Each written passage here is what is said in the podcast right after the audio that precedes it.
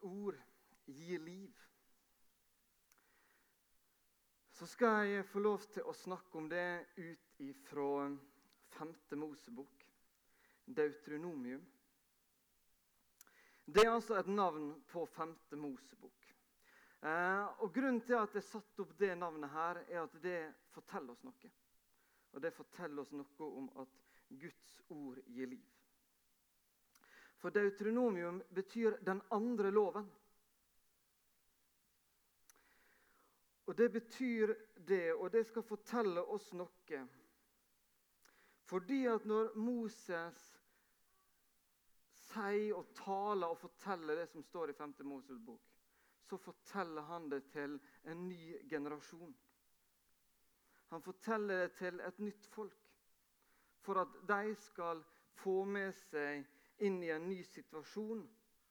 Det som Gud har fortalt til israelsfolket, det som han har gjort med israelsfolket gjennom ei lang vandring i ørken på vei fra Egypt til det lovede land. Et bilde som vi kan bruke om 5. Mosebok, er ei bru. For det, er, som jeg sagt, det er i en helt spesiell situasjon. Gud befridde israelsfolket ut av Egypt. Så var de altså på vandring i ørkenen i 40 år. Det som kunne ha tatt noen uker, brukte de altså 40 år på. Men nå, nå var det like før de skulle inn i det lovede land. De skulle inn i Kanan. Og da ser vi at Her er en stor kontrast. De har altså vært et folk som har vandra rundt. Kanskje vi kan bruke ordet nomadefolk på dem. Så skal de inn, så skal de ta byer, og så skal de bli fastboende. De har vært et folk som har levd med begrensa ressurser ute i ørkenen. De har fått det de trengte, men nå skal de inn i det lovede land, som skal fylt med melk og honning. Renne over av melk og honning. Nå skal det være kanskje litt luksus. En stor overgang. Og så har de hatt én leder. De har hatt én leder gjennom alle disse 40 åra. Moses har fulgt det hele veien. Nå skal han takke av. Så skal Josva bli lederen deres.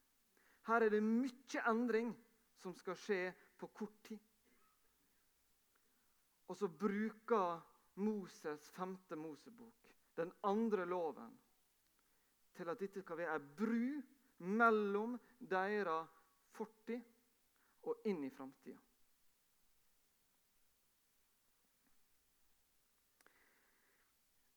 Vi har en god del sånne overganger i livet vårt. Litt usikker på om vi tenker ofte nok på det. Vi går ifra å barnehage til skole. Vi går ifra eh, barneskolen over til ungdomsskolen. Mange ser på det som en ganske krevende overgang. Vi går ifra å gå på obligatorisk skole til kanskje en studenttilværelse. Vi går ifra å gjerne bo hjemme med mor og far til sjøl skulle ha ansvar for en egen heim. En del av oss går ifra å være singel til å skulle bli gift. Fra å skulle være uten barn til å få barn, til å bli foreldre. Og fra å ha barna hjemme til plutselig at alle er flytta ut. Og En dag så leverer vi nøkkelen på arbeidsplassen siste arbeidsdag og skal over i pensjonisttilværelsen. Hvordan tenker vi om disse her overgangene? For det er ikke uvanlig at mennesker forlater kristen tro, forlater et menighetsfellesskap akkurat i disse overgangene. For det kan være krevende. Kanskje du skifter miljø. Kanskje du flytter. Noen opplever neste fase i livet som mer krevende enn den han har vært i. Og så kan lett slike ting skje. Hva vi gjør vi da for å være forberedt? Moses bruker altså 34 kapittel på å forberede dette folket på hva nå som skal komme. Jeg setter veldig pris på at vi begynte å få litt flere studenter her i Misjonssalen. Veldig kjekt å ha dere her. En del, ikke bare studenter, men også folk i arbeid, men en plass i 20-åra. Det er skikkelig gøy. Men det er en krevende fase. Dere tenker at det er ja, Kanskje dere har kommet inn i en ny bolig, dere har ansvar for det, eh, og kjenner at dette her er som når mamma og pappa passer på meg. Men så tror jeg at jeg likevel kan si til dere at eh, det kommer til å bli en stund til at eh, dere i like stor grad er sjef over deres egen tid. Så den tida nå så jeg har lyst til å si til dere i dag at tenk at dere skal bruke denne 20-åra, gjerne begynne før. Dette snakker vi med også med konfirmantene om. Og legge noen gode rutiner.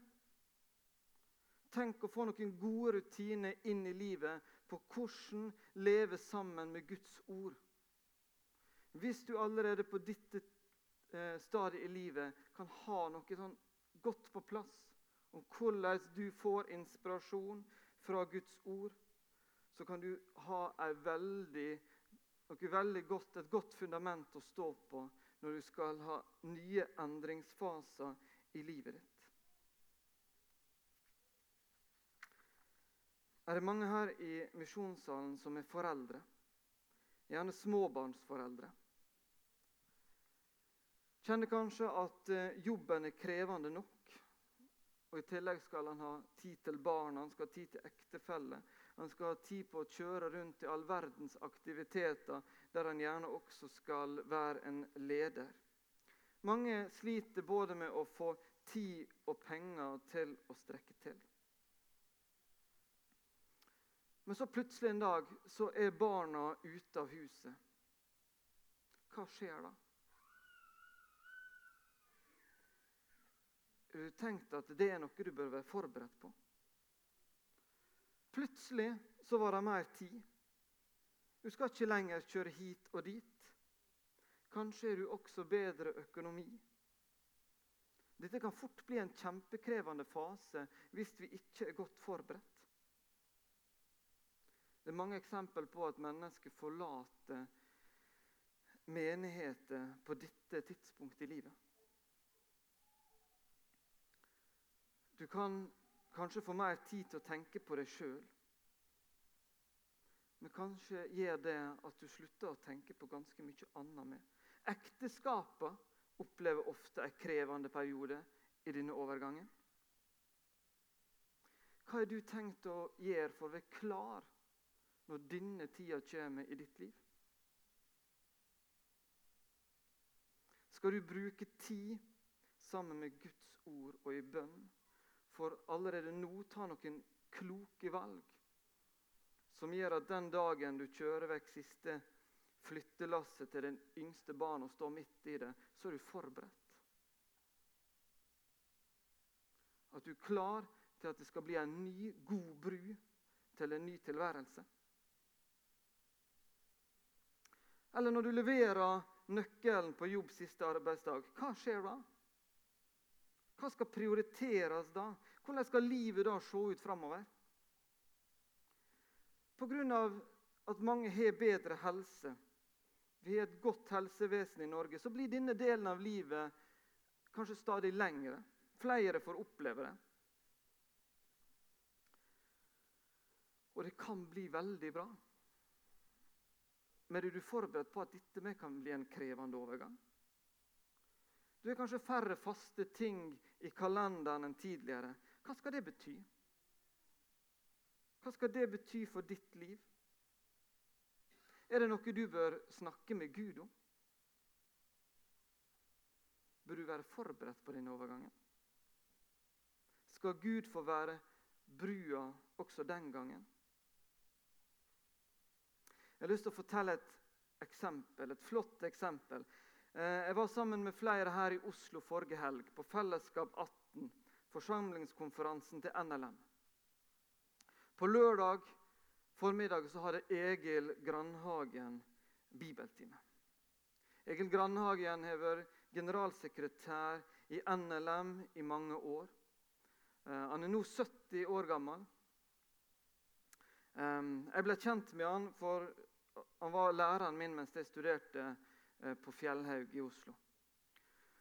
Så tenker jeg, og jeg tror mange med meg kan tenke at det, han har lagt ned, så stor, lagt ned så mye innsats og arbeid i kristen, arbeid, ja, i kristen regi at nå, nå, kunne Egil få lov til å, å kanskje hvile litt. Han er også ved åpen med at han, han har kreft. Han er sjuk.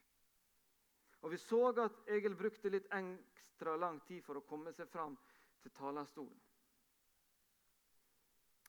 Men så forteller Egil om at han og Solveig, kona, når de, skulle, når de ble pensjonister, så var de åpne med Gud om at nå vil vi at du, Gud, skal vise oss hvor vi skal være videre. Han sa at det var litt eventyrlyst og litt egne tanker, men Gud fikk lov til å lede dem til en ny plass til å prøve nye gaver, til å fortelle flere mennesker om Jesus. De bor på en plass med veldig få kristne. Første påskedag klokka seks om morgenen så var det en god gjeng av naboene. Jeg husker ikke nøyaktig tallet. Jeg lurer på om det var bortimot 30. han sa. Var samla på husmannsplassen deres, oppe i skogkanten, for å høre påskeevangeliet mennesker som ikke har et avklart forhold til Jesus. Jeg tenker, Tenk om jeg kan få lov til å bli sånn som Egil. At når jeg møter nye faser i mitt liv, så har jeg spurt, spurt Gud om å være brua over i de fasene. At han kan få lov til å bruke meg hele livet. Fordi at det er det mest spennende. så er vi klar til å gjøre sånn som Moses gjør med israelsfolket. Forbereder deg på at Gud skal få lov til å være brua over i en ny tid, over i en ny fase. Tenk om neste fase i ditt liv kan bli et steg nærmere Gud i stedet for motsatt. At du fikk oppleve mer av hva Gud vil gi deg. At du kan få et rikere gudsliv. La Guds ord være brua mellom det som hever, om det som skal få komme i ditt liv.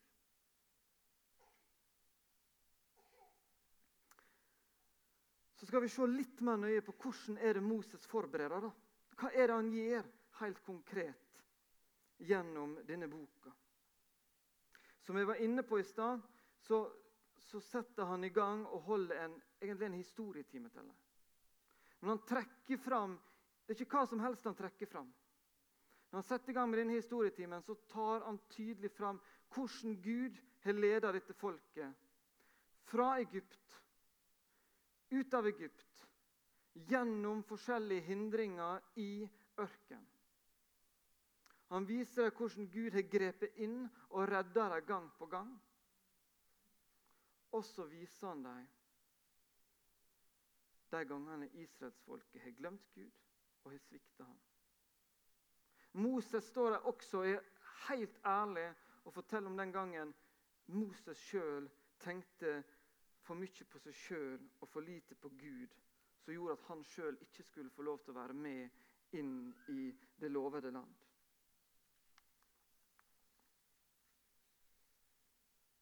Vi skal se på noen bibelvers. Vi skal lese eh, noe fra 5. Mosebok 6 og fra 5. Mosebok 11. Dere som var her på skjærtorsdag, har sett dette her før. Det får bli en god repetisjon. Hør, Israel. Herren er vår Gud, Herren er én.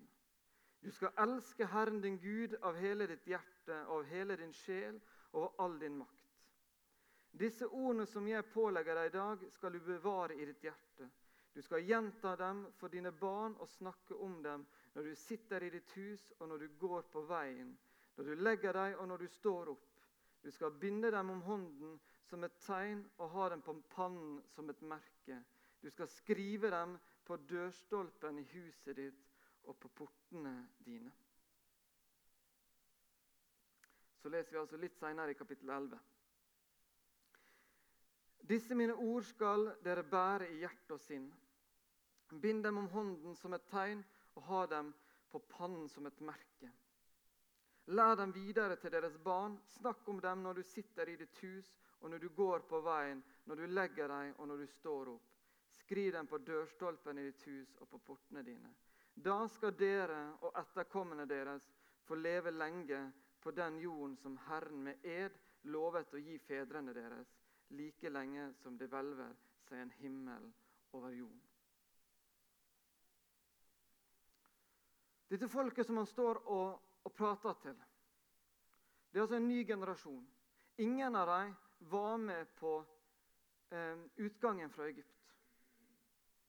Det er altså maks 40 år, en god del av de yngre. Og så sier han at det er innsikten i Guds ord som her er avgjørende. Det er kunnskapen til det som står i Bibelen, som er avgjørende for hvordan det skal gå i framtida. Hvordan tenker vi om det? Hvordan er vi, vår nærhet til Guds ord? Hvordan står det til med innsikten vår?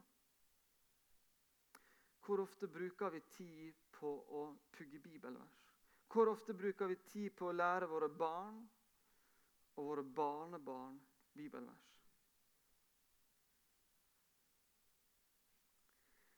Jeg så en av dere legge ut eh, et flott bibelvers på Instagram i går. Kanskje det er vår nye måte å ha bibelvers på handa eller i panna. Formidle det til oss sjøl og til andre der vi bruker tid. Moses han hadde levd tett på dette folket gjennom lang tid. Han hadde sett hvor fort det var for dem å ramle av enten til høyre eller til venstre. Det fortelles i 5. Mosebok også om den gangen de møter et folk i ørkenen som dyrker bal, som de så altfor fort blir tiltrukket av.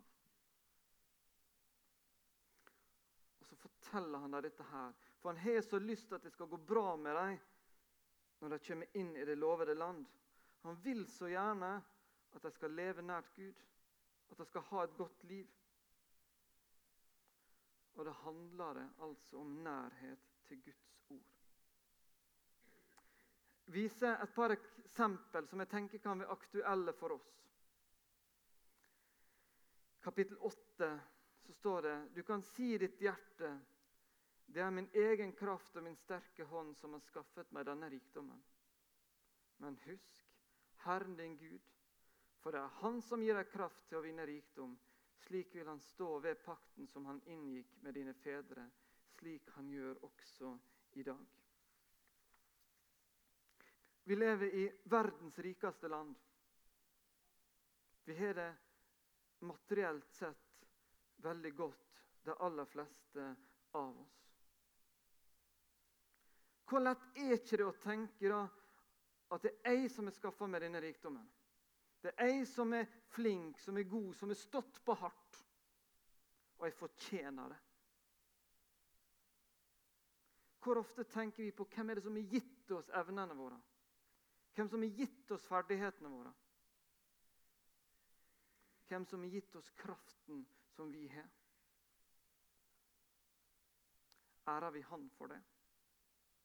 Eller tenker vi mest på at det er vi som fortjener? Litt seinere, i kapittel 14, så står det Pass på å gi tienden av avlingen din. For det som vokser på åkeren og alt, som vok, alt det som vokser på åkeren år for år, for Herren din Guds ansikt, på det stedet han velger ut til bolig for sitt navn, skal du spise tienden av korn, ny vin og fin olje. og de førstefødte dyrene av storfe og småfe, for at du kan lære å frykte Herren din Gud alle dine dager. Vi er vant til å, til å snakke om givertjeneste, høre om fast givertjeneste. Og vi kan av og til snakke om, om tiende, 10% at det er en fin regel. Er ikke vi veldig vant til å snakke om at det er et krav? Men at det kan være en, en fin ting å tenke. Men, men se på hva som står her. Moses sier til dem at det er noe med det å vise med våre handlinger hva vi mener. Og la faktisk våre handlinger få lov til å fortelle oss sjøl hva er det vi prioriterer i livet vårt. At det å gi tienden, gi førstegrøda, at jeg kan fortelle til oss sjøl jo, jeg ønsker å sette Gud først i livet mitt. At en del av fast givertjeneste kan faktisk være at vi trenger å fortelle oss sjøl hva skal ha førsteprioritet i mitt liv. Ved å gi tiende så kan det hjelpe oss til å minne oss på at dette her er faktisk det viktigste for meg.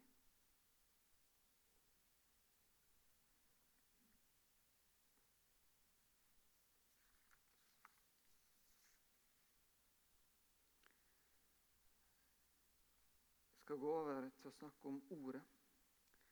Guds ord gir liv. Når vi kommer til kapittel 32, så drar faktisk Moses til med en sang. Han synger en avskjedssang foran hele israelsfolket der, sammen med Josva. Moses vet at nå har han kort tid igjen.